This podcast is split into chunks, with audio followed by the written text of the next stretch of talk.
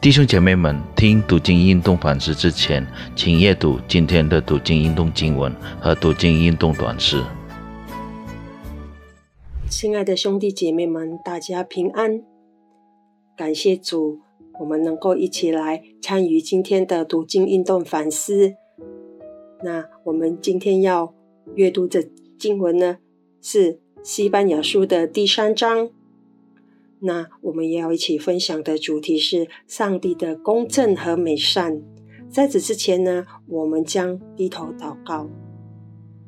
亲爱的阿爸父，慈爱的主耶稣基督，感谢你，感谢你每天的眷顾带领，感谢你一次又一次给我们机会，能够有时间来思想你的话语。主啊，求你帮助我们，带领我们，赐给我们聪明智慧，让我们能够从我们今天的圣经中，能够明白你对我们要所说的话，也能够明白你的旨意。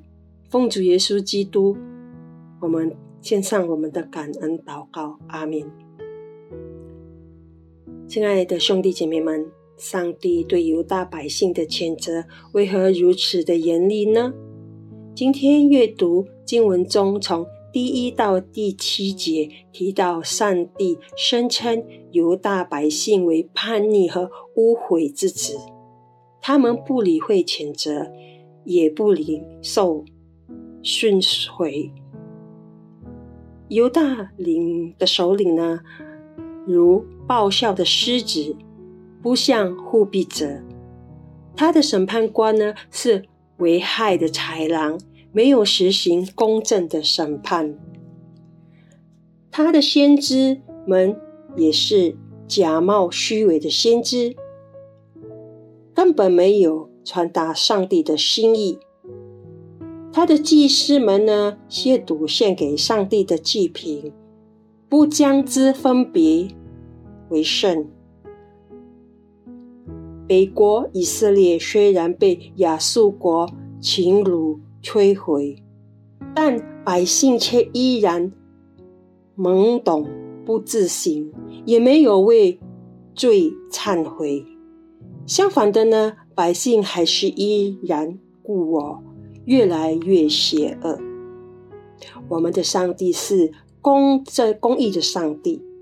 上帝既然施恩怜悯北国以色列和南国犹大，给予百姓忏悔的机会，与之同时呢，也给予我们机会回转。那不接受的，必要受上帝的惩罚。虽然圣经仅仅提到犹大百姓受将受惩罚。其实，其他敌对上帝子民的万族，总有一天显然也会受到上帝的惩罚。即或不然，上帝还是美善的上帝。他不单要使其百姓得复原，他也要更新其他民族。上帝要在他们中间留下困苦、贫贫寒的。子民一般不依仗自己，而全然依靠上帝的子民，他复原自己的子民之极，上帝会住在他们中间，使得他们满心欢喜快乐。上帝所成就的复原是逐步现实的，首先是将他们从。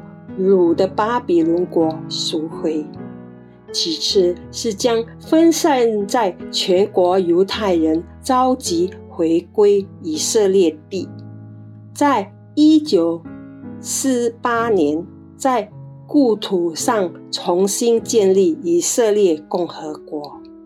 接下来就是主耶稣第二次再临，要复原万民万万族。亲爱的兄弟姐妹们，上帝严厉的惩罚不单是指向犹大百姓，同时也指向万代以来跟随上帝的万族万邦。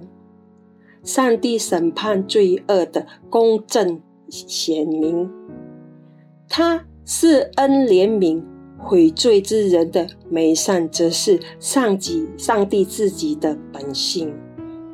您受到上帝惩惩罚时，有自我反省吗？你静静中求存时，有向上帝求助吗？